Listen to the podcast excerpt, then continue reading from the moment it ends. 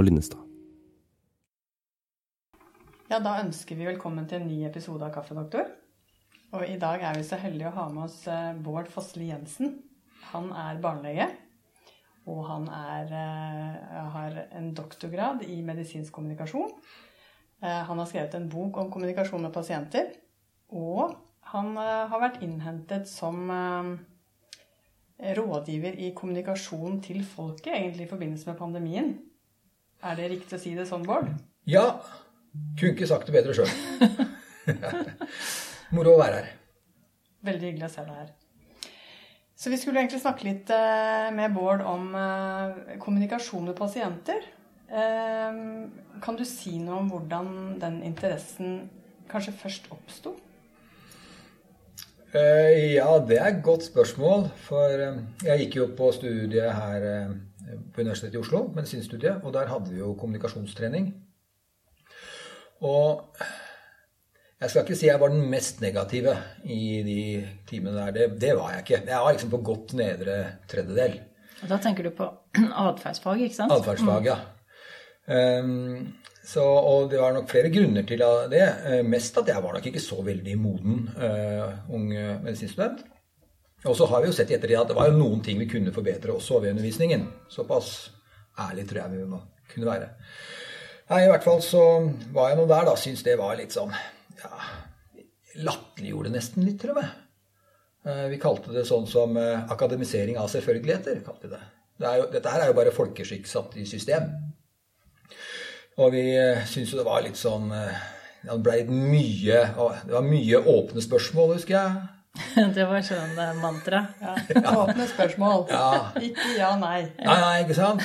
Og så var det jo litt mye teknikk som vi måtte huske på. ikke sant? Den verbale og nonverbale med armene i kors og beina i kors og optimal avstand på 90 cm og hva det var, og optimal vinkel. og var mye å huske på, da, som jeg syns ble litt sånn instrumentelt. Um, og så og så var det mye empati, da. Det husker jeg også.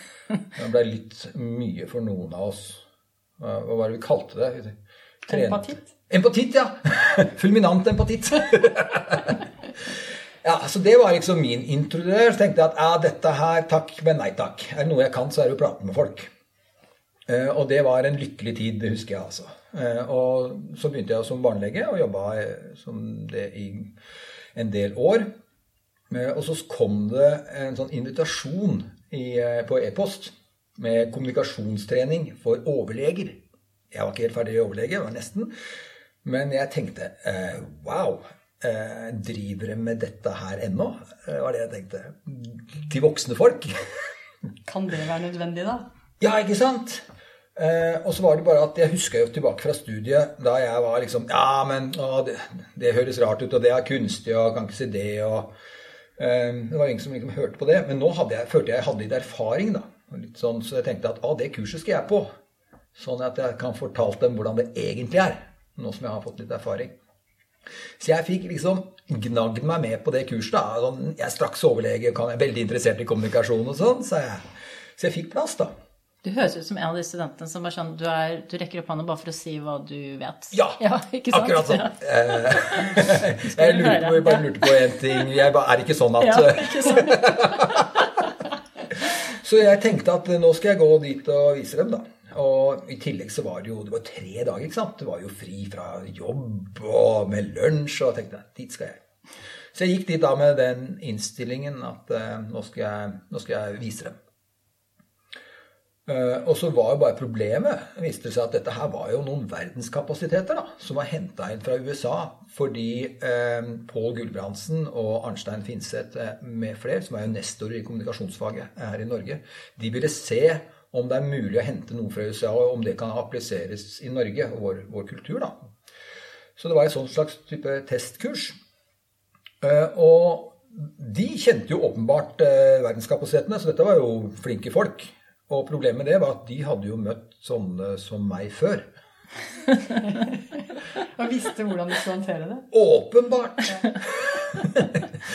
så, så det som skjedde, eh, var jo at jeg kom inn med den holdningen, da.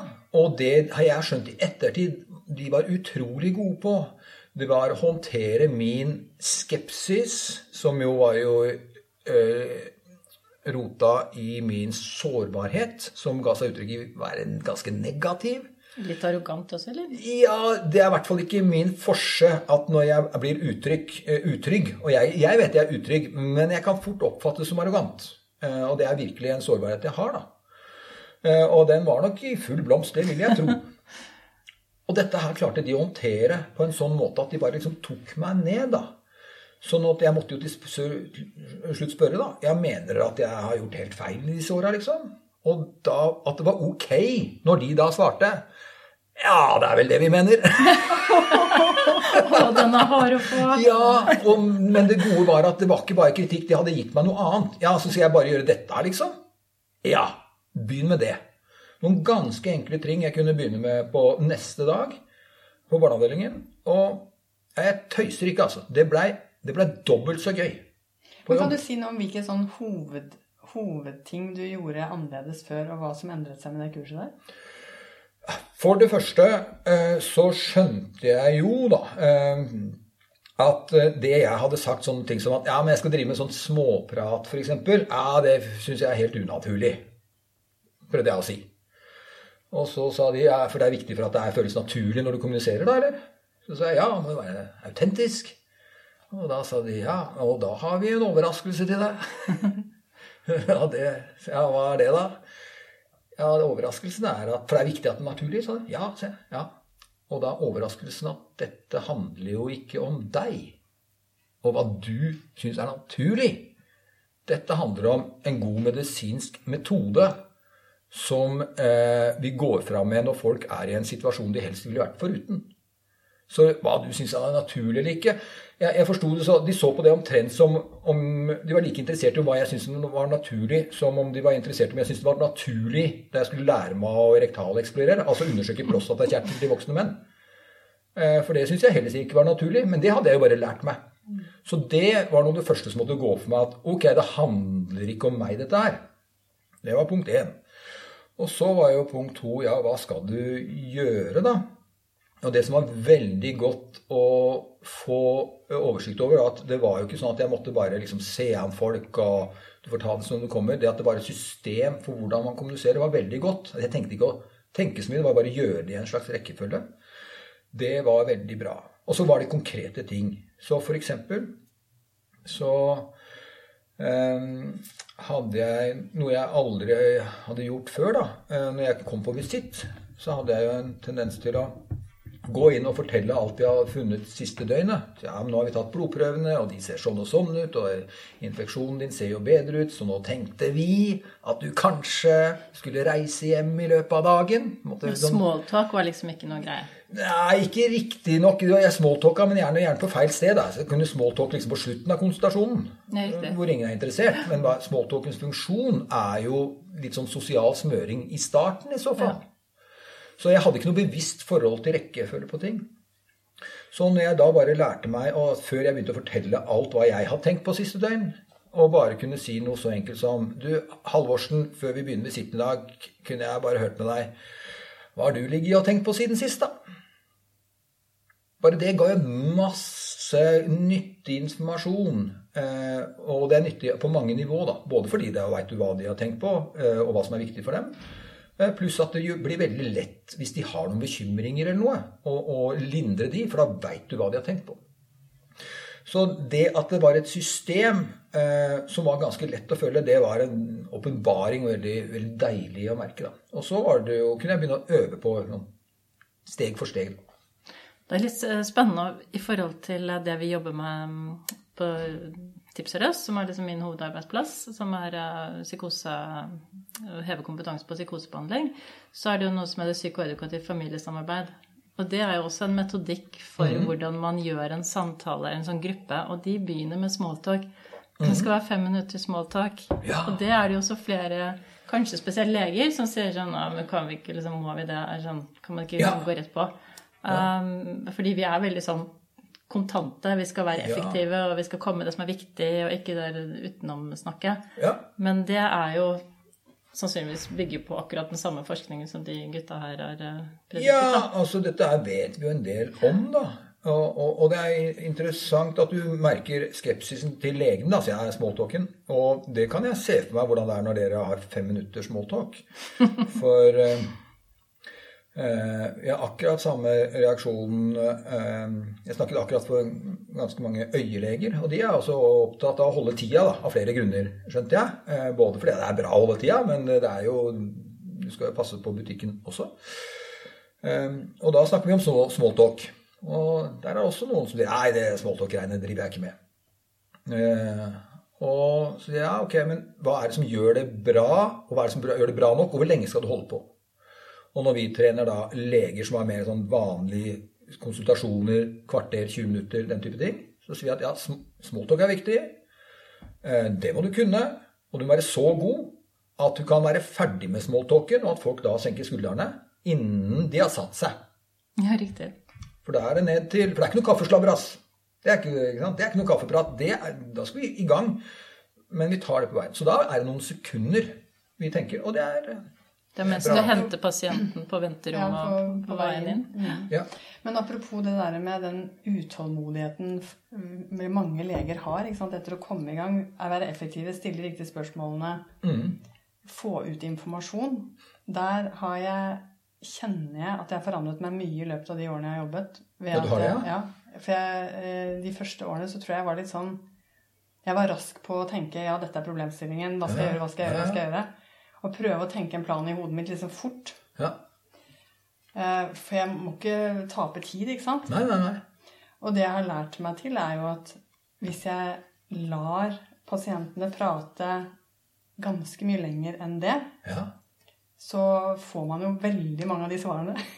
Av seg sjøl. Uten, å blande seg inn. ikke sant? Så, så det, nå er jeg mye mer tålmodig med å la dem prate før jeg begynner å blande meg inn. Og det tror jeg En ting er at jeg tror det er veldig lurt. Og likevel så er jo en del ting vi kan Det er ikke alt sånn kommunikasjonsgreier vi har forskning på, sånn veldig solid, robust forskning, men en del begynner å bli det. Og akkurat det er en sånn klassisk studie, det hvor lenge lar vi legene pasienten få prate før vi avbryter? Eh, når er den tilbake? 86 eller noe? Eh, av faktisk en som heter Richard Frankel. Og da viser det seg at eh, pasienten kommer, og legen forteller ja, hva kan jeg hjelpe deg med? Eller sier det. Og så begynner pasienten å fortelle, og så lar vi de prate fram til vi avbryter etter i gjennomsnitt 18 sekunder. Hva? Er det ja, ja, det er snittet. Ja, ja. Nå blir jeg litt ja, Jeg håper jo det har blitt bedre, men det er ikke så langt unna. Det er jo en klassisk studie. ikke sant? Men, men vi er der. Vi, når vi har treninger på dette, sånn, så er den hangen til å få oppklart det vi lurer på, med å bare spørre med en gang du lurer på noe, den er der. Så vi trener Snart er kommunikasjonskursene våre Vi har ganske mange ting vi kan trene på. Men snart er de bare til å være, Vær interessert i folk. Og lur, på hva, lur virkelig på hva de tror og tenker. Ha litt kontakt med egne følelser, så da kan du vise at du er et medmenneske med å være empatisk.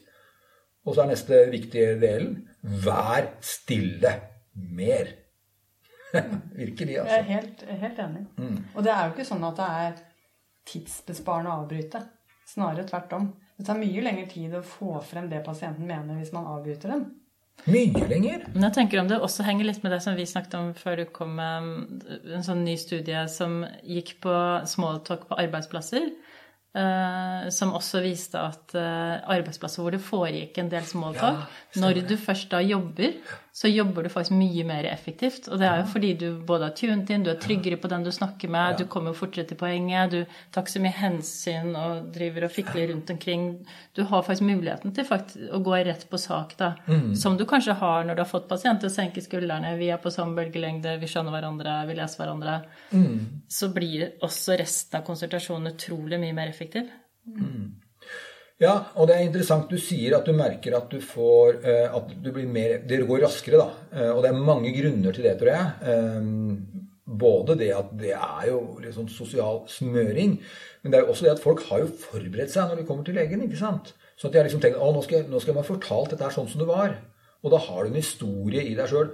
Og det er jo akkurat som hvis du forteller en historie hjemme. da, Skal fortelle liksom hva som har skjedd i helga eller på jobben eller ferien. Så begynner du å fortelle. Så, ja, så kom jeg ikke sant, Og så, så møtte jeg jo han, han Petter, vet du, for han kom kjørende. Og så skulle vi bare Ja, hva slags bil hadde han? Ja, men det er ikke poenget. Altså, hvis du blir rykka ut av historien din, så Og det er sånn vi holder på med pasienten vår, da. Det er ikke det at det er irrelevant, det vi, vi spør om. Det er bare at det kommer med den kostnaden at folk kommer litt ut av det. Så den proffe legen klarer jo å vente litt, da. Og så stille de kontrollspørsmålene når folk har fortalt historien sin. Og det Vi får mer presis informasjon. Og eh, vi ser jo at når vi lar folk prate ut, så blir det samarbeidet bedre. Så det blir mindre konflikt og mindre sånn forhandlinger underveis. Eh, det jeg syns er veldig artig nå, det vi har jobba med mye med det siste, det er eh, de som ringer nødnummeret. 113. For der går, er i hvert fall tida viktig. ikke sant? Eh, og da har vi tenkt at vi må ikke ha noen unødvendig ord. Eh, så begynte vi å se på ja, men hva er det som foregår i samtalen, da? Og jeg, jeg, jeg syns det var litt artig, eh, fordi vi fikk mange sånne aha-opplevelser underveis. Blant annet så er jo spørsmålet når du tar av røret, hva skal du si? Ja, du må jo si et eller annet. Og så, så, så viste jeg at ja, det hadde de en slags plan for, da. Så, så det ringer noen og trenger hjelp. Eh, så har jo de ringt 113, da. 113. Og så svarer de eh, ja, akuttmedisinsk nødtelefon. Eh, hvilken adresse trenger du hjelp på? Og så spurte innringeren ja, hvor er jeg kommet? Ja, du har kommet til AMK. Ja, er det ambulansen? Ja, nei, ikke egentlig. Altså, de dro seg mot en sånn pingpong før vi var i gang. Og det var liksom snodig, da, tenkte vi. Hvordan kan vi endre dette her? Og da måtte vi jo se på ja, men hva, hvordan er det å være innringer. Hva er det som står i hodet på den innringeren? Og så tenkte vi at jo, det må jo være én, du trenger vel hjelp. Det får vi bare anta. Og to, så tenker du at ja, jeg vil vel bidra et eller annet sted her. for jeg har jo tatt litt action, så du er en aktiv part. Så du vil bidra med hjelp. Og så tenker du vel kanskje at eh, det jeg gjør, er vel det riktige, håper jeg. Og nå har jeg tenkt at 113 er det riktige å gjøre, da, så er det det jeg gjør. da, Det ringer. Og det går det kanskje an å liksom ta litt inn over seg og, og omfavne. Eh, sånn at folk føler seg mest mulig kompetente der og da. da. Og da tenker jeg, Hva er enkleste måten å gjøre det på? Jo, det må være at hvis de har tenkt de har gjort noe riktig, kan vi bekrefte det. da. Så istedenfor å si akuttmedisinsk nødtelefon når folk har ringt 113, så kan vi kanskje svare når de har trykket 113 og svare 113. Så har vi bekrefta det med en gang. Og så si heller hvilken tittel du har, for er, det er veldig mange sykepleier med sykepleierbakgrunn der, og det er jo, det er jo umiddelbart eh, tillitsbyggende, så da kan du heller si det. Du snakker med sykepleier Petter, f.eks. Og bruker de eh, stavelsene der det er akuttmedisinsk nødtelefon, til å stedet si 113. Det er sykepleier Petter. Det tar kort tid, og det er beroligende. Ja, med en gang. For da sier folk 'Å, men mannen din puster ikke, jeg trenger hjelp her'. Og så så vi hva er det raskeste da? Jo, da eh, sier folk eh, fortsatt 'Ja, hvilken adresse er du på?' Og hva skjedde da? Så så vi 'Ja, men jeg trenger jo hjelp her.' Med en gang. 'Ja, men jeg må vite hvor du bor.' 'Ja, men hvor er dere?' 'Ja, er du hjemme?' 'Ja, ok, ambulansen er på vei.' Men så viste det seg at de var på hytta. Ja. Så så vi Ja, men hva er mekanismen her? Jo, mekanismen var at folk Du er jo redd, da, som regel. Og stressa når du ringer. Så da er det liksom litt oppe emosjonelt. Mens i og med at mange har tenkt at å, men operatøren må være såkalt profesjonelt, må være liksom helt lugn. Det som er problemet da, at da klarer ikke folk å roe seg. Sånn at hvis du er eh, stressa da, og blir møtt med ren fakta, så er du fortsatt stressa. Skjønner ikke du hvor ille dette er? Nettopp! Det er jo det som skjer, ikke sant? Sånn at da får du den derre Ja, men jeg må, jeg må, vite adressen. Ja, men jeg må ha hjelp. Ja, men jeg må først. Eh, og til slutt så går de over da til et lukka spørsmål som du kan svare ja eller nei på. Og da måtte vi liksom tenke, trekke inn atferdspsykologien og se ja, men hvilken effekt har det? Jo, hvis du trenger hjelp, og en sitter med ressursene, så er du veldig varsom med å si nei til noe som helst. For nei er en avvisning, og det har du ikke råd til. da, Ubevisst, selvfølgelig. Sånn at folk sier jo ja, da. Er du hjemme, eller? Ja. I en sånn stressa situasjon hvor du har litt tunnelsyn. Så, så, alt dette her måtte vi liksom se på og se ok, men hva skal vi gjøre da? Jo, da måtte vi inn med litt følelse, da, som du sa. Ikke sant? For hvis du ikke opplever, Hva er det som gjør at folk ikke opplever at du har skjønt alvoret? Jo, det er, det er ikke noe følelser i det du sier. Og da er spørsmålet hvordan skal du legge følelser inn i noe så tidskritisk som en nødsamtale, så måtte vi se på det. da, Det er jo inne i empatiens verden å kunne vise medfølelse, men på en måte som faktisk folk kjenner at her har de skjønt alvoret. Så da måtte vi trene inn, da. Eh, ja, hva tenker du da når du ser, tenker noen som har eh, Mannen min puster ikke.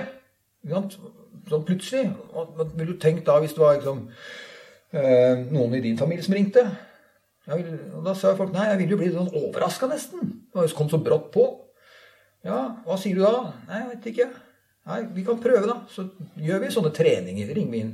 Og så viser det seg at når folk da ringer og sier ja, mann, puster ikke, jeg trenger hjelp her. Og de klarer å si oi da, hvor er du? Så roer folk seg mer og sier 'jeg er hjemme'. Da, den lille der oi-daen med litt trøkk i. Ja. Så, så ser vi at eh, ja, det tar altså kortere tid å få riktig svar ved å legge inn litt følelser enn ved å gå rett til Det er helt fantastisk. Det lille oi-da. At det kan spille noen rolle. Ja, det er ganske utrolig. Altså, vi ble veldig overraska sjøl. For nå, Fordelen med 113 er at de har veldig kontroll på sine kvalitetsindikatorer, som det heter. da. Bl.a. hvor lang tid det tar, alt tar. Hvor lenge du har venta før de svarte. Når du har svart, hvor lang tid tar det før det skjer noe.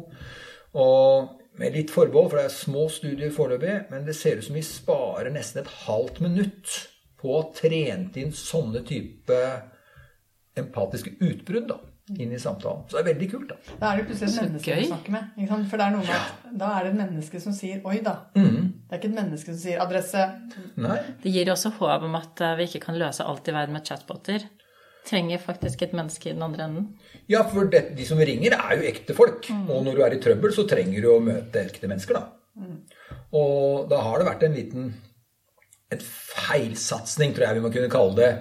At vi har tilstrebet at det såkalt profesjonelle vi kalte det profesjonelt helt opp til kanskje i våre dager, det var å være mest mulig avmålt. Og ligne mest mulig en chatbot. Mm.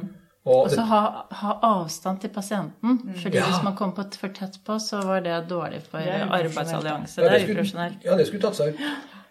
Jeg tror det var Du må ikke sitere meg på det, men om det var i Lancet du, helt oppe på slutten av Nå siterer vi deg på det, for nå er det Ja, Siterer deg selv, da. det. En av våre tyngste tidsskrift skrev til langt ute på 60-tallet om den ideelle legen. Og den ideelle legen var altså en lege som så på pasienten med samme emosjonelle distanse som han så på et kadaver. Han dissekerte det. Er det sant? Ja, det er begrepet detachment. ikke sant? Du skal være avstand, da. Det var jo veldig voldsomt. Ja, ja. For det er jo rett og slett litt med avsky, Ja, vil jeg si. Nesten. ikke sant? Ja, Det var derfor det. At liksom, du måtte liksom ja, Men de tenker kanskje sånn kadaver på, ja på på disseksjonssalen. disseksjonssalen. Ja, ja, Bare bare- at vi skulle kalle det liksom et menneske som har donert seg selv til Ja, jeg, jeg, jeg stussa jo litt da jeg leste det. Jeg må innrømme det. Ja, det er litt i seg selv eh, Men det var jo noen, eh, noen av disse professorene da vi studerte også, som fortsatt var, eh, hadde den tilnærmingen, som sa at eh, hold avstand, det er det viktigste. Det er det viktigste, ja. Så vi har jo gjort noen sånne litt ganske så ukloke veivalg, tenker vi da opp igjennom i medisinen. Eh, og så er det vel Descartes kanskje som har liksom fått skylda for at vi har skilt kropp og sjel. Eh, men vi har hatt noen år på å justere inn det, da, så jeg syns vi ikke kan skylde på det lenger. Men det er nå én ting, da. At liksom kropp og sjel var to forskjellige ting. Det er, er vel en stor feil. Um, og, vi, jo- og så var det nok en stor tabbe å tenke at idealet var at vi skulle være adskilt fra liksom, emosjonelt distansert fra pasienten. Det var nok en stor tabbe. Og i tillegg så husker jeg gamle professor Stein Evensen eh, sa, eller jeg tror han skrev det mange år tilbake i Aftenposten, at en av de største feilene vi har gjort i vestlig medisin, var at vi, at vi ga fra oss placebo til alternativmedisinerne. For placebo, hva er det? Liksom. Mye av det handler jo om den relasjonen da, og kraften i det. Og den selvhelende kraften i det. Så vi har gjort noen veivalg opp igjennom da, som Og det utfordrer kommunikasjonen veldig, det du sier der. Det der som du sier med kropp-sjel-dualismen, er jo Man kan si at det er mange hundre år siden, men det er jo kjempe... Det utfordrer veldig kommunikasjonen med pasienter. Det utfordrer også faget vårt, tenker jeg. eh, Det gjør jo det. Hvor vi ofte beskyldes for ikke å ha tenke psykologi inn i noe som helst. Ja, men, Og det er jo ikke helt ufortjent, da. Eh, tenker jeg. Jeg kan, jeg kan snakke for meg sjøl. Jeg husker da uh, ung Jeg håper jeg er blitt bedre nå. Jeg var ung barnelege. Og at, hvordan jeg tenkte om, begynte å tenke om pasientene mine. For det meste går jo bra når du er på sykehus. Hvertfall. De fleste samtalene og konsultasjonene går bra. og og som barnelege så selvfølgelig er det unntak, men de aller fleste blir jo bra også. Du jobber jo på en måte med naturen. Og, så, så, så, det er veldig mye, mye ja, suksesshistorier, da. Uh, og når det gjaldt samarbeid med foreldre og barn og sånn, så, så må jeg innrømme Jeg tenkte jo at ja, men det er jo klart det går bra, den visitten her. Jeg er jo så flink. Og de som ikke var så fornøyd, som liksom Ja, men vi skal vi ikke dra hjem ennå, føler oss ikke trygge, og begynte å ringe, liksom, spørre han andre legen det jeg akkurat hadde svart på og sånn. Eh, og da var vi jo alle enige om at det er jo ikke så rart, for de er jo så vanskelige.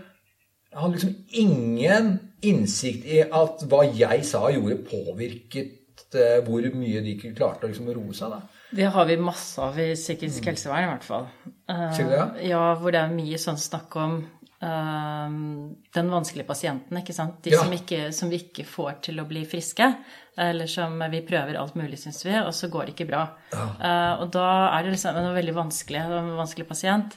Men sannheten er vel egentlig at vi har ikke funnet den behandling som virker. Vi har ikke greid å komme opp med noe som gjør at vi kommer videre, da. Um, men det er mye lettere med de pasientene vi syns vi de blir kvitt angsten sin, og det går eh, Ja. rette veien, og Ja, det de er glad det. i oss, og vi er glad i dem, og Ja, ja, det er jo lettere. Ja. Det er lettere Jeg Og så blir vi jo liksom eh, Sier ja, men jeg, har en som, jeg husker jeg sa det. Ja, jeg hadde en pasient, han var så vanskelig. Og så ble jeg liksom korrigert da, av en av de litt varmere eldre kollegaene mine. Ja, men husk det, Bård, at det, det finnes jo ikke pasienter som er vanskelige. Det finnes bare pasienter som har det vanskelig. Ja, og det høres jo så bra ut, men jeg kjente at det, jeg kjente meg ikke igjen. Ja, men han var så vanskelig! Jeg, jeg tror at noen er vanskelig òg, men det vi vet litt om, da fordi at det er et begrep der som man strengt tatt British Medical Journal, som det heter, er en av de sånn, mest prestisjetunge sånn, tidsskriftene for, for leger. da.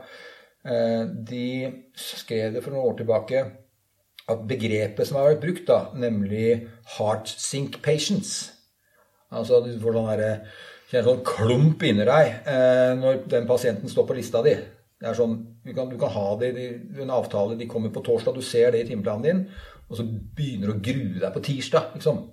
Det har man lagd et begrep for. da, Heart sink patients. Og det er litt i den samme gaten med liksom vanskelig pasienten. Og det sa de, det må vi bare stoppe å bruke, for det høres ut som det er pasientens feil på et vis. Men så er det gjort studie på det. da, se Hvem er det som har flest heart sink patients? Det er Eh. de vanskelige legene. Ja, ikke sant? Hvem er dette her sånn? Nei, så viser det at alle legene har det. Vi har alle våre vi tenkte ah, her kommer hun igjen, gitt. Alle har vi det. Men så begynner man å se på hvem er det som har flest. Og så viser det at ja, de du føler sånn avmakt for, da, for det er det det er, de har noen problemer som ikke du har hatt noe trening i å håndtere. Så det viser at jo mer du får trening da, eh, i å håndtere akkurat det, om det er angst eller vondt i muskler som ikke har gått over, eller eh, at de bare ikke trener sjøl, eller hva det nå måtte være, så viser det at har du fått litt spesial, eller videreutdanning i det, så får du færre sånne pasienter. Så gleder du deg til å komme hit. Plutselig. Plutselig så kan du det. Heart lift patient. Ja, det er bra. Den kan vi introdusere. ja, ja, for det, det er, vi liker jo å få til ting. Vriene ting, ikke sant? Um, Jeg har også tenkt på, egentlig Apropos sånne heart sick patients, så har jeg tenkt på mange ganger at de pasientene man opplever som vanskelige en stund Det handler jo veldig ofte at man ikke har blitt nok kjent med dem. ikke sant? Mm. Eh, og når man har erfaring gang på gang i at går det lang nok tid, så blir man glad i dem. Ja. Men hvordan gjør du det?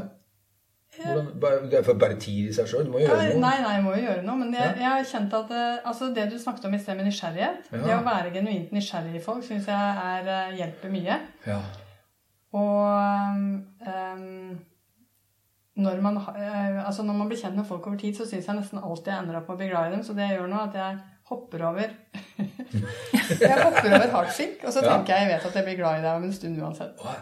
Det Det var en veldig faktisk. fin filosofi, da. Så da kan jeg være glad i det mye før enn jeg klarte før. Ja, det, var, det var interessant.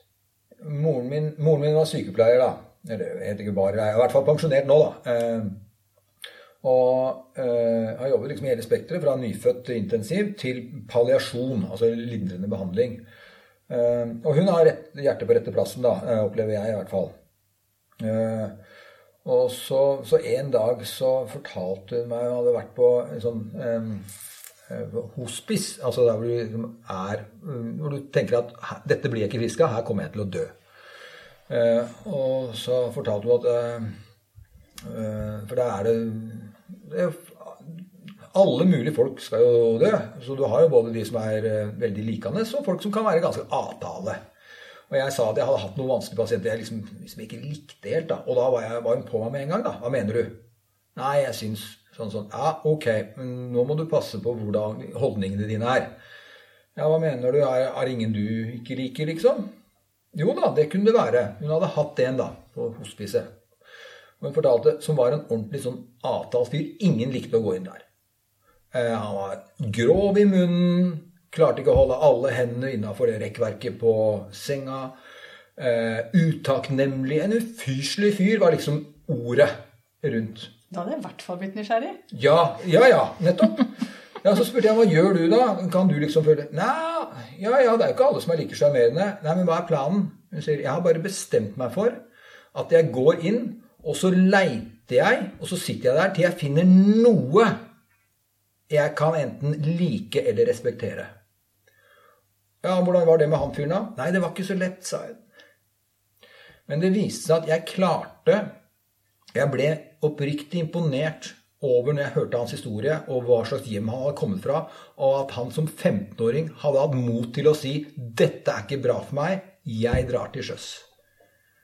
Den tenkte jeg, det sto respekt av. Og det var liksom Den glipa inn til hans liv, og til at de kunne finne litt sammen. da. Det er jo alltid en grunn til at folk er som de er. Det er jo det, vet du. Det er Det- bare å finne den grunnen. Det minner meg litt om eh, da jeg jobbet på um, akuttavdelingen. eh, På denne eh, Jeg hadde veiledning med en fra personlighetspsykiatri. De hadde sånn egen post. Jeg tror ikke det er oppdelt helt på den måten lenger. Men da var det også en pasient jeg sto fast med. Jeg følte bare jeg kom ingen vei. Det var bare en ubehagelig situasjon, ubehagelig kommunikasjon. Mm. Og så kom han inn, og så sa han sånn Kristin, du må lete etter den delen av den pasienten som du kan finne en resonans i. Noe som ligner på deg selv. Let etter noe som, hvor du finner deg selv i pasienten. Ja, Det kan snu. Det var Eh, klokt. Ja, det var veldig klokt. Og det gjorde jo også at jeg gikk inn i den kommunikasjonen med en litt annen holdning til den pasienten, for da var jeg plutselig litt på jakt ja, etter noe som var positivt, istedenfor bare sånn åh, ja. klarer ikke dette her, det går Ja, gærent ja. hver gang. Ja. Det minner litt Det om det det moren din snakket om. ja, det er litt det samme. Så, så, og, og da, så, så det handler jo Gang på gang blir jeg liksom minnet på at det handler om egen utilstrekkelighet. da. Når de ting ikke går bra. Og det er jo det er nesten så jeg av og til lengter meg tilbake til det jeg trodde at jeg var liksom kjempegod. det var veldig Du hadde litt mer sånn storhets... Ja, ja, ja, det er ikke meg, det er deg, liksom. Akkurat det der med å faktisk gå i seg selv og eh, Min personlige erfaring med det med eh, nysgjerrighet er jo at jeg, eh, jeg Altså, mennesker er det mest spennende jeg vet om. Så det er liksom utgangspunktet. Men jeg har kjent at jeg, Nå har jeg en sånn kombinert fastlege-militærjobb. Mm -hmm. og militærjobb så er det mindre trøkk med pasienter. mhm, Og da har jeg funnet ut at når jeg har tre dager i fastlegepraksis, mhm. Så holder jeg oppe nysgjerrigheten. Ja. Jeg tror, Og de periodene jeg har jobbet fem dager i fastlegepraksis, så har jeg kjent mye mer på at det, det blir for mye for meg. ja. Og jeg tenker at man, man må ta ansvar for at De grensene går sikkert veldig forskjellig fra person til person, men jeg har kjent at for meg så er det liksom tre dager i uka med fastlegepraksis er passe. Mm. Og da opprettholder jeg den nysgjerrigheten som gjør at jeg er til stede. Mm. Uh, og det tenker jeg vi har ansvar for å kjenne hva som skal til for at vi opprettholder det der. Mm, Ja, jeg tenker sånn, ja. Hva Og med de med 3000 på lista? Ja, jeg kunne ikke gjort det. Så tenker jeg kanskje de har det annerledes, eller kanskje de ikke Jeg vet ikke hvordan de tenker. Eller at de har valgt ut noen pasienter som de har mer nysgjerrighet på enn andre. Ja. kan man jo kanskje også Ja, Dumt for de som Eller at du er veldig presis, da, at de minuttene du har, at det er bærekraftig minutt for minutt. At det er minst mulig sånn type konflikt som jeg skrev, her i stad. Mm, sånn Mest mulig at du har et veldig bevisst forhold til egne følelser, f.eks. For, for det, det vi i hvert fall vet, og det er erfaring fra AMK også, det, det folk ble veldig slitne av, var å sitte og holde de der følelsene sine liksom unna telefonen. Eh, Og sitte der i, på lange vakter. eh, Og ofte så jobber de tolv timer i strekk. Så du var helt drenert på slutten av dagen. For da sitter jeg og går på akkord. Å, men hadde det vært vennen min, så hadde jeg sagt au da. Eller oi, oi, oi. Eller er det såpass? Mens her må du holde det ned. Og det var veldig drenerende. Og jeg lærte i hvert fall ikke har godt hende noen underviste meg det, men jeg fikk det ikke med meg på, på, på doktorskolen. At hvordan jeg skulle håndtere liksom, mine følelser sånn fortløpende. Jeg, jeg fikk med meg liksom det at ja, men du må, ikke, du må ikke ta med deg alle problemer hjem. Da blir du utbrent. Ja, ok, ja, hva skal jeg gjøre da, da? Nei, du må passe på å holde litt avstand, så, så liksom, fort å bli litt sånn distansert. da, liksom Skru det av. Ikke la det gå inn på deg. ikke la det gå inn på deg. Nei, så skru det av, da. Og det er først nå i ettertid jeg har skjønt at ja, det var ganske mm, grov forenkling. For eh, ja, tar du med deg alle sorger og bekymringer hjem og tenker at det er ditt ansvar å løse alt, eh, ja, så er det linka til utbreddhet. Det er greit. Men det ingen fortalte meg, at ja, hvis du bare skrur det av og blir liksom nærmest kynisk, da tenker jeg ja, pass på meg først, ja, så blir du like utbrent da. Sånn at det å skjønne at ja, men det handler om hvordan du forvalter hver enkelt liten sånn eh, samtale, da. Eh, for da er det noe sånn at eh, da kan du dele gleder, som sånn suksesspasientene har, og, eh, og får mer glede ut av det. Og så er det noen sorger der sånn, så klarer du å dele de, da, ja, så blir jo mindre av det også. Eh, Så det vi hører fra eh, de som jobber på NN3, er at når de har begynt å se i de samtalene der, kunne være mer medmenneskelig og si sånne ting som 'Å, såpass! Nei, dette var ikke bra! Sier du det?' Oi, oi, oi! Den type ting. Så går de fra å være liksom helt drenert på slutten av dagen til å føle seg liksom oppløfta. Så det, er, så det handler for, også noe å si mm. hvordan vi forvalter de minuttene, da, tenker jeg. Men det, det det, bringer meg litt opp For når jeg leste om deg, så så jeg også at du er involvert i det med barnepalliasjon. Og det tenker jo jeg Greier man Eller sånn, hvordan håndterer man det? Det er sy veldig syke barn som uh, kanskje skal dø. Uh, Oppturer og nedturer i samtalene da, holdt jeg på å si. Uh, ja, i, det jeg tenker rundt det, er at folk er folk. Eh, det er de akkurat samme psykologiske mekanismer som er i spill, og om du er eh, eh, alvorlig syk og døende eller ikke fullt så, eh, så dårlig. Eh, så det er bare viktigere du, eh, å gjøre ting Kall det riktig, da. Det er viktigere at skal du ha kontakt med følelsene dine og være empatisk, så må du være empatisk på samme måte som vi leter etter det liksom virkelig oppleves som medfølende i, i nødsamtalene, f.eks. Det er stor forskjell på å si um, Jeg kan ta et eksempel. da. Jeg um, måtte ringe legevakta sjøl her for ikke så mange ukene siden. Uh, og da tenkte jeg at uh, Så bare hold tanken, jeg kommer tilbake til barnepalliasjonen. Uh, måtte jeg ringe legevakta. Jeg tenkte at jeg må jo være fair og si at jeg ringer som helsepersonell òg.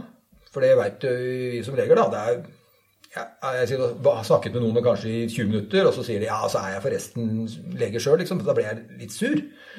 For jeg tenkte at jeg liksom holdt det tilbake. og Da har jeg følt meg testa, da.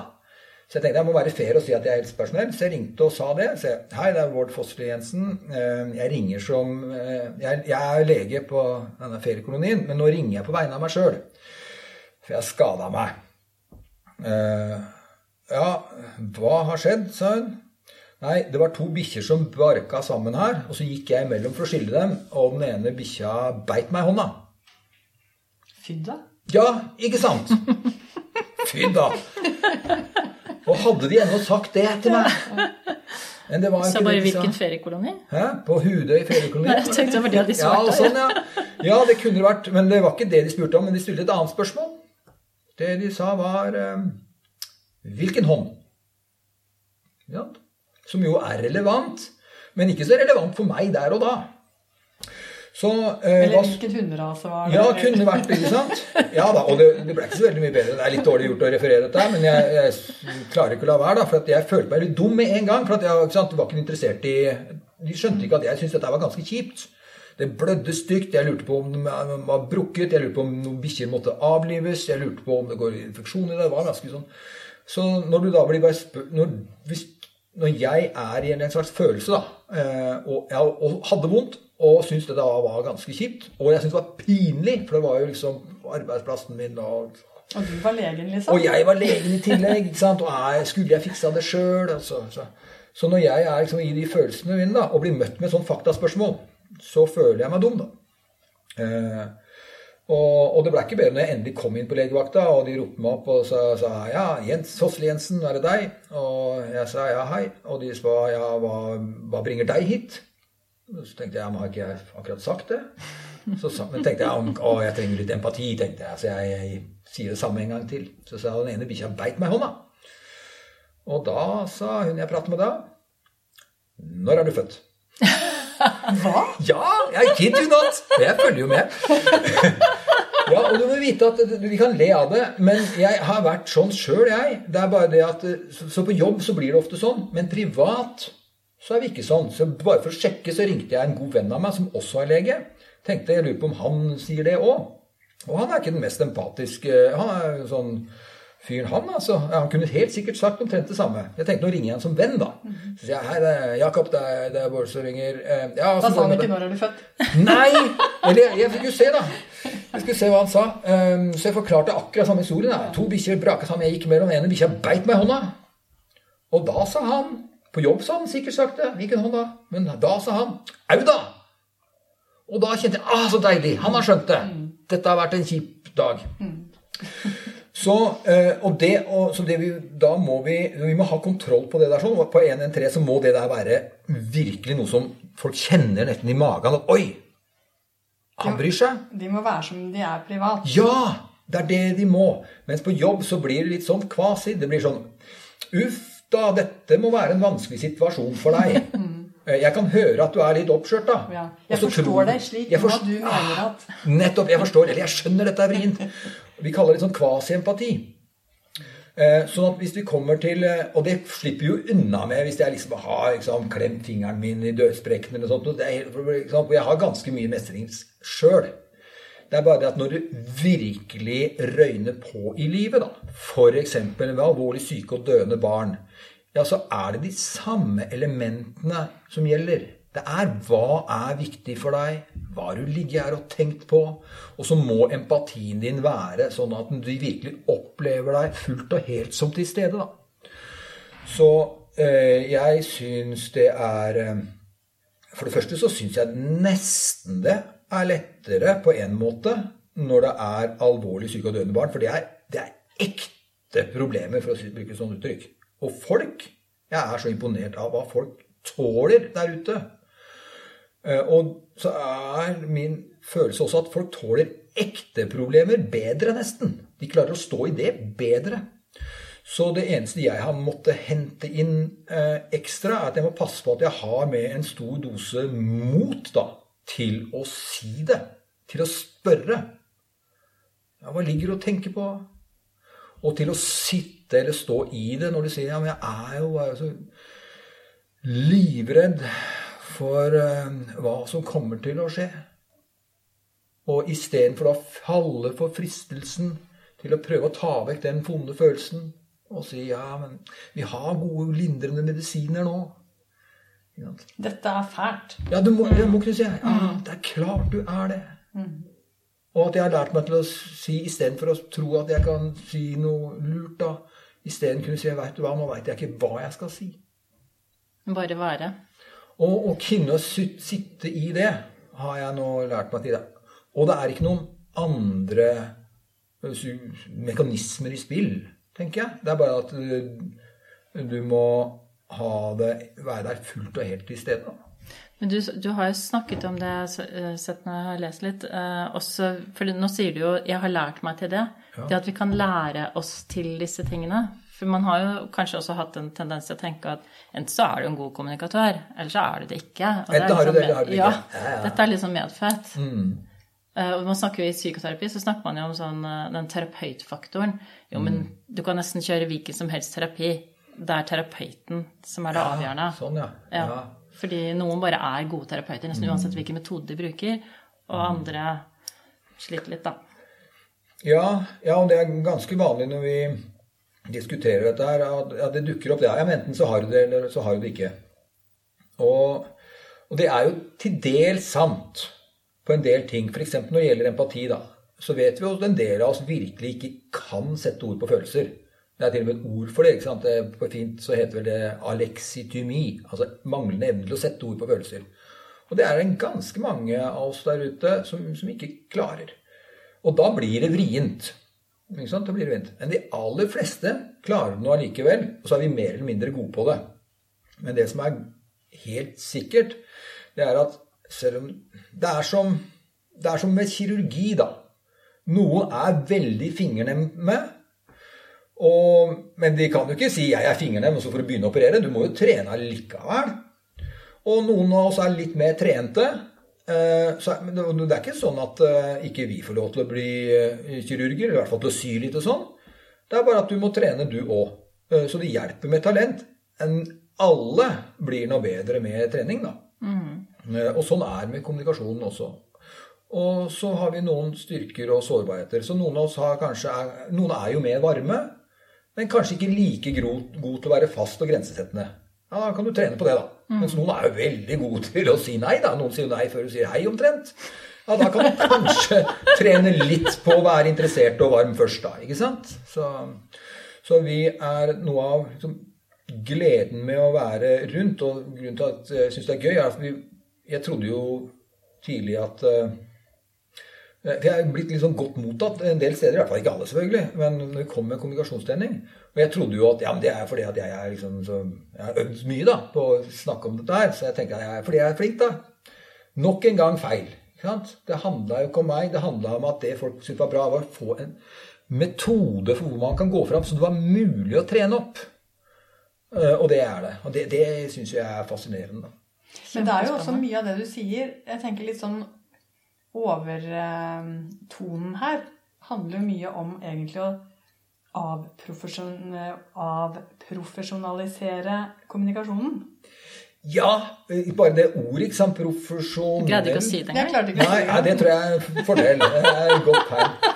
Ja, at det er blitt en misforstått eh, Jeg vet ikke hva vi skal kalle det. For at det vi nå tenker som profesjonell, er eh, Det man før tenkte som profesjonell, er det vi jeg i hvert fall i dag kaller fattigmannskommunikasjon. Altså. Det er amatørskap omtrent.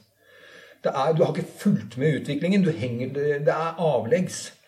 Eh, Så jeg vet ikke, Skal vi liksom si at ja, nå eh, vi, er det noe annet som profesjonell? Jeg tror kanskje det er helt ok. Eh, Men det er ikke så lett å, å, å vite. For det Jeg spør jo ofte, da, når vi trener, ja, hva er din plan når du skal kommunisere nå? Ja, de, veldig mange sier jo nei, jeg, jeg passer jo på å være pro profesjonell, da. Det er så vanlig å si at det er ingen som sier nei, jeg går for uprofesjonell. Men de sier jo ikke det.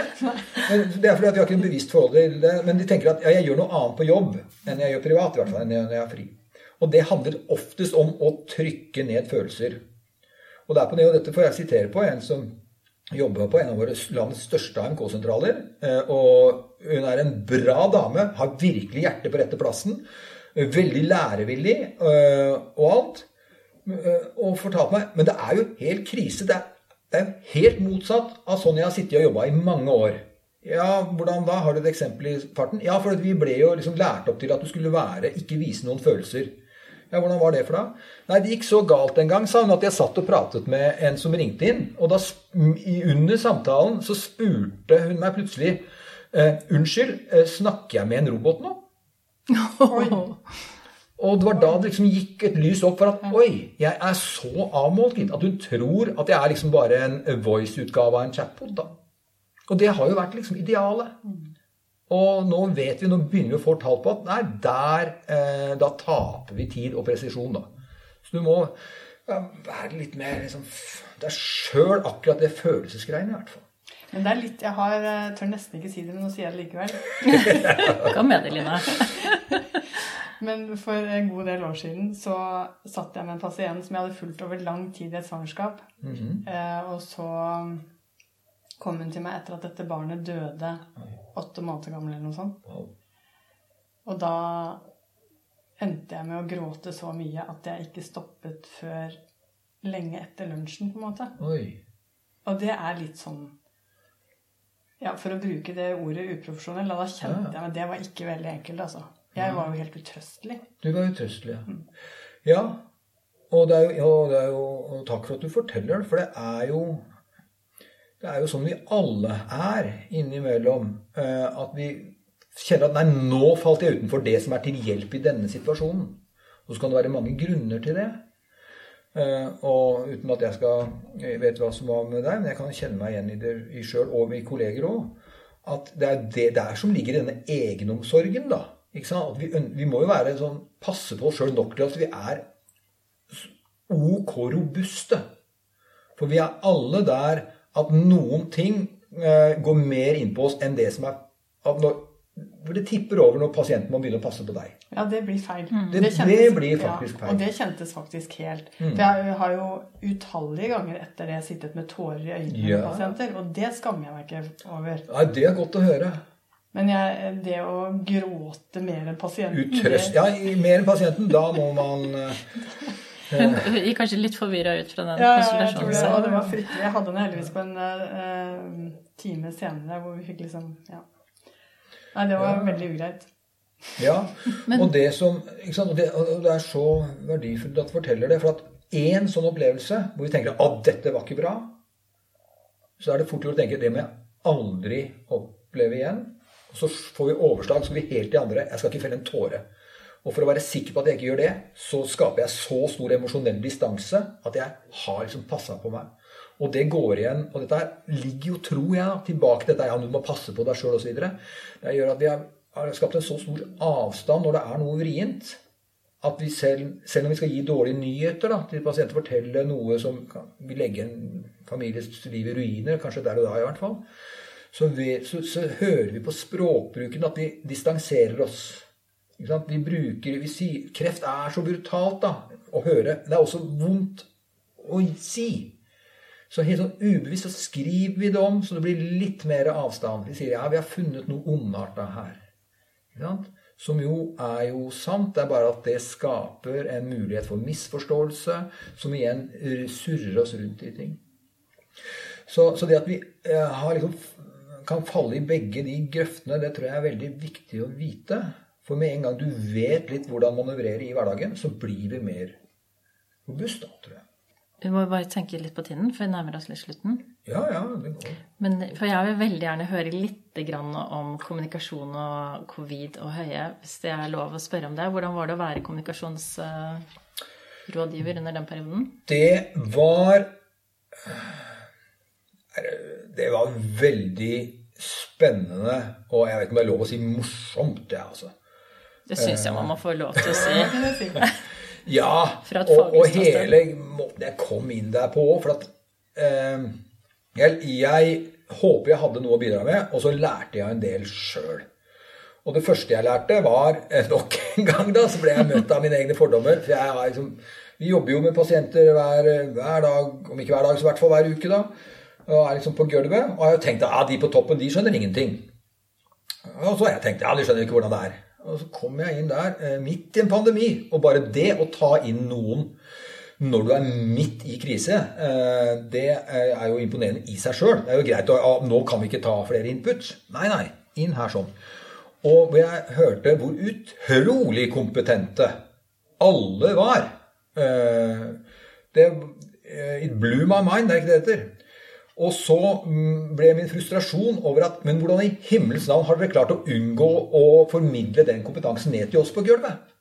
Altså, Det er blitt borte på veien her. Hva er det som gjør at vi ikke opplever at dere skjønner det? For det har de gjort. De har skjønt utrolig mye. Og da måtte vi inn og se litt på liksom, strategiene, da. Og, og så syns jeg det var morsomt måten jeg fikk den jobben på.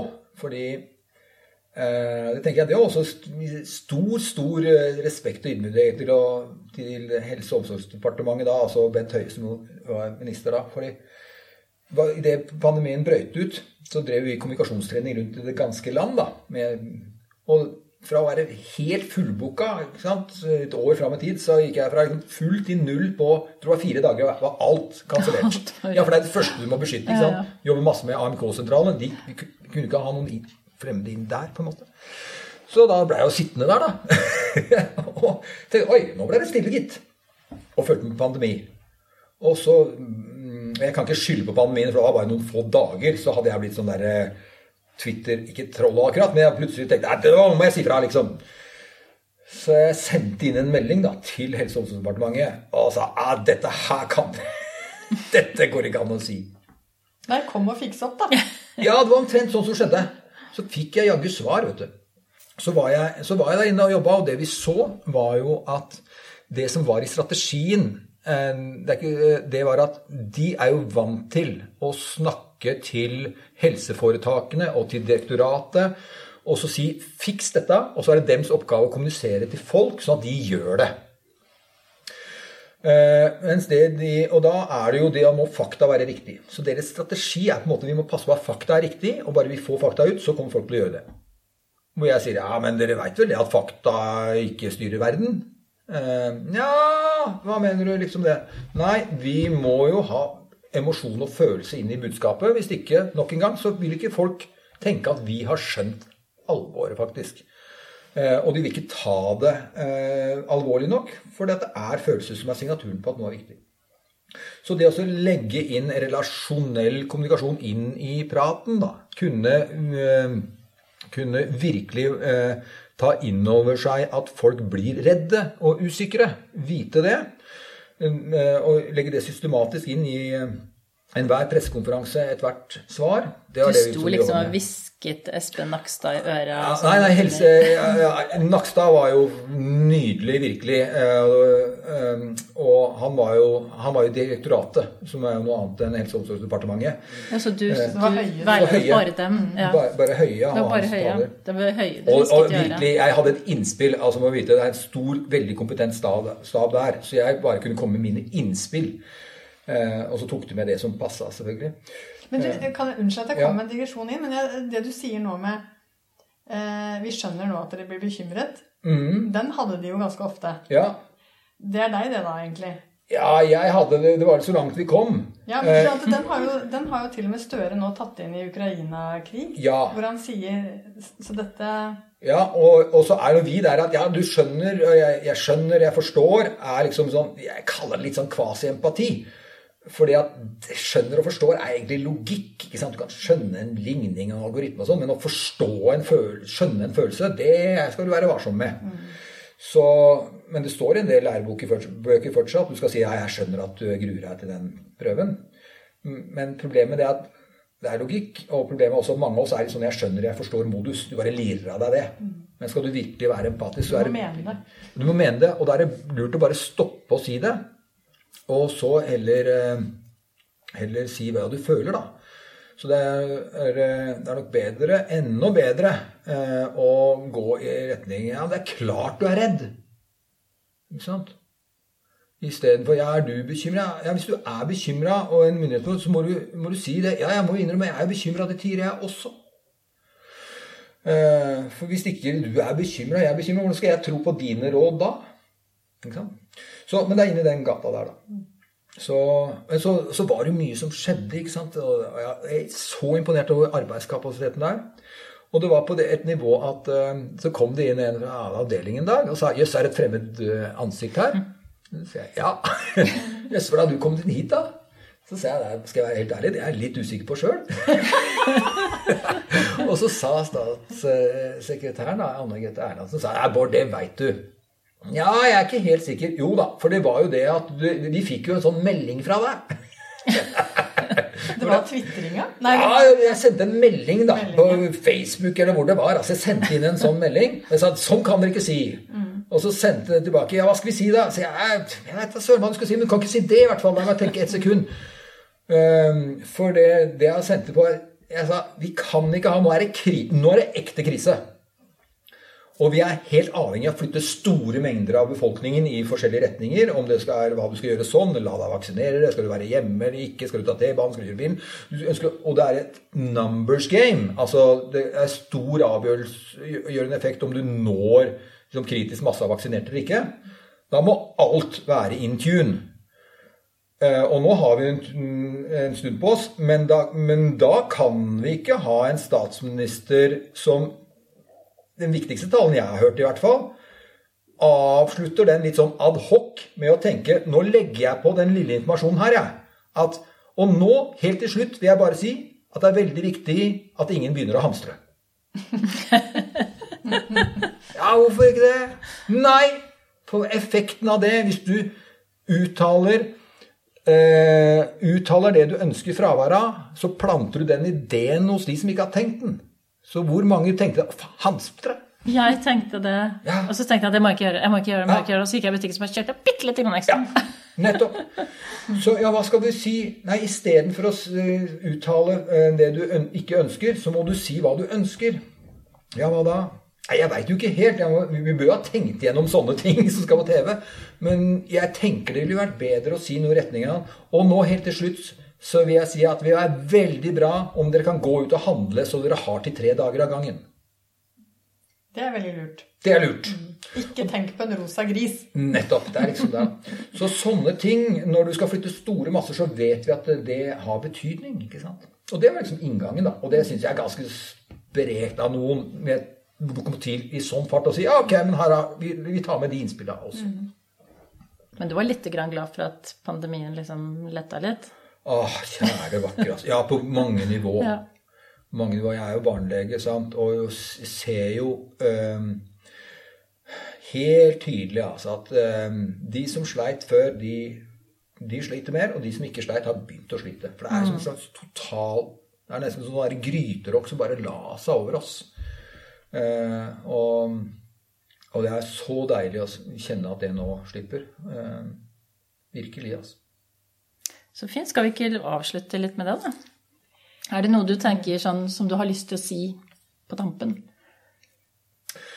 Eh, I så fall til de som ikke er helsepersonell og er til legen, vit at når du kommer til en lege som gjør de riktige tingene, men du tenker at dette var litt rart, så spill den litt god. Vær litt grei med den, for da har du kommet til en lege som du veit ønsker å være så god han kan. Så hvis du kommer til en lege som sier sånne ting som eh, Hva tror du sjøl dette her har kommet av? Det er du som er legen. Ja, så, så spar deg det. Si heller Nei, jeg lurer jo på om det kan være. Eh, så spill legen din litt eh, god. Eh, og til dere som er helsepersonell der ute skru nå på den nysgjerrigheten, da. For hvis du ønsker å få det morsommere på jobb, så er det, liksom, så er det å spørre ja, Hva har du gått og tenkt på? Hva tror du dette kan være den, i den gata der? Også det der følelsesgreiene med Ønsker du å være empatisk, så bare gjør det du gjør på privaten når du kjenner et eller annet. Bare liksom åpne på en luke i mellomgulvet og slipp det ut da, når noen sier Nei, men veit du hva det, øh, tror jeg bare at øh, den øh, jeg tror de stinga har gått opp igjen, jeg, altså. Nei, så kjipt, da. Bare si det. Uh, som en slags sympatisk utbrudd, så vil eh, folk stole på deg nærmest umiddelbart. Det er lov å være menneske. Ja, det er nesten en forutsetning. det, er vel, det, er vel, det vi kan uh, ja. konkludere med, er det ikke det? Ja, virkelig, altså. Men tusen, tusen takk for at du kom, Bård. Det var veldig, det... veldig spennende å høre på deg. Ja, ja takk, det samme. Da sier vi som vi pleier, da. Livet er ikke det verste vi har. Og om litt er pulverkaffen klar.